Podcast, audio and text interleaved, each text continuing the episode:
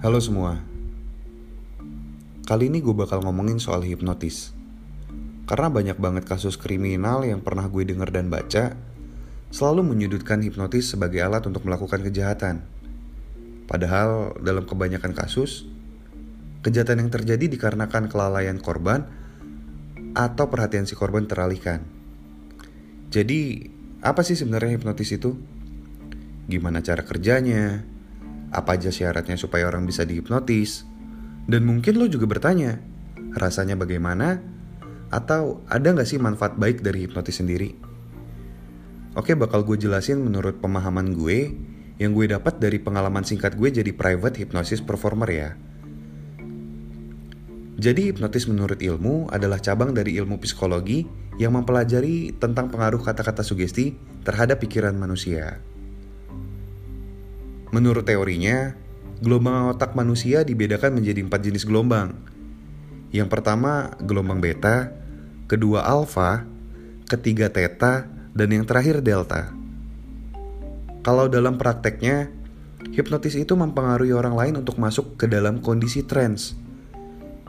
Di mana trance merupakan kondisi yang menyerupai tidur yang sengaja dilakukan kepada seseorang dan orang tersebut masih bisa menjawab pertanyaan dan menerima sugesti. Kondisi trans paling ideal yang harus lo capai dan pertahankan adalah dalam gelombang otak theta, gelombang ketiga. Karena ketika sudah masuk ke gelombang keempat, gelombang delta, otak manusia dalam kondisi tidur sesungguhnya dan koneksi hipnotis benar-benar terputus. Hipnotis juga merupakan seni komunikasi untuk mengubah tingkat kesadaran seseorang yang dicapai dengan cara menurunkan gelombang otak tadi dari beta menjadi alfa dan theta. Hipnotis sendiri pertama kali diperkenalkan oleh James Braid, seorang dokter ternama dari Inggris yang hidup di antara tahun 1795 sampai 1860. Syarat orang untuk mudah dihipnotis adalah orang tersebut cukup cerdas, mampu berkomunikasi yang baik, mampu berkonsentrasi, dan mampu berimajinasi. Kalau ngomongin rasanya, rasa hipnotis itu seperti kondisi relaksasi pikiran yang disertai relaksasi tubuh. Nah, buat lo yang bertanya, apa sih syarat untuk bisa mempelajari dan mempraktekkan hipnotis? Syaratnya sebenarnya gampang lo cuma cukup mampu berkomunikasi dengan baik dan percaya diri yang tinggi. Percaya diri yang dimaksud adalah percaya diri bahwa lo bisa melakukan hipnotis kepada orang lain.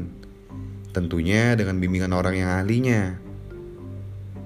Dalam prakteknya, lo bisa mengetahui dan memahami indikator-indikator bahwa orang yang lagi lo hipnotis itu beneran masuk ke kondisi trance atau hanya pura-pura trance lewat trans level test biasanya.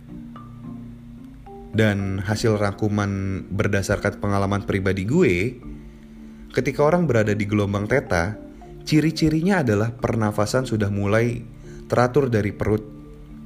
Kemudian relaksasi pada rahang bisa dilihat agak sedikit membuka. Pada teta yang sangat dalam, klien atau suyet atau orang yang lagi lo hipnotis bisa mempertahankan trans dengan mata terbuka atau bisa disebut somnambulisme. Juga terjadinya peningkatan kemampuan mengingat yang berkembang sangat pesat atau disebut hipermnesia.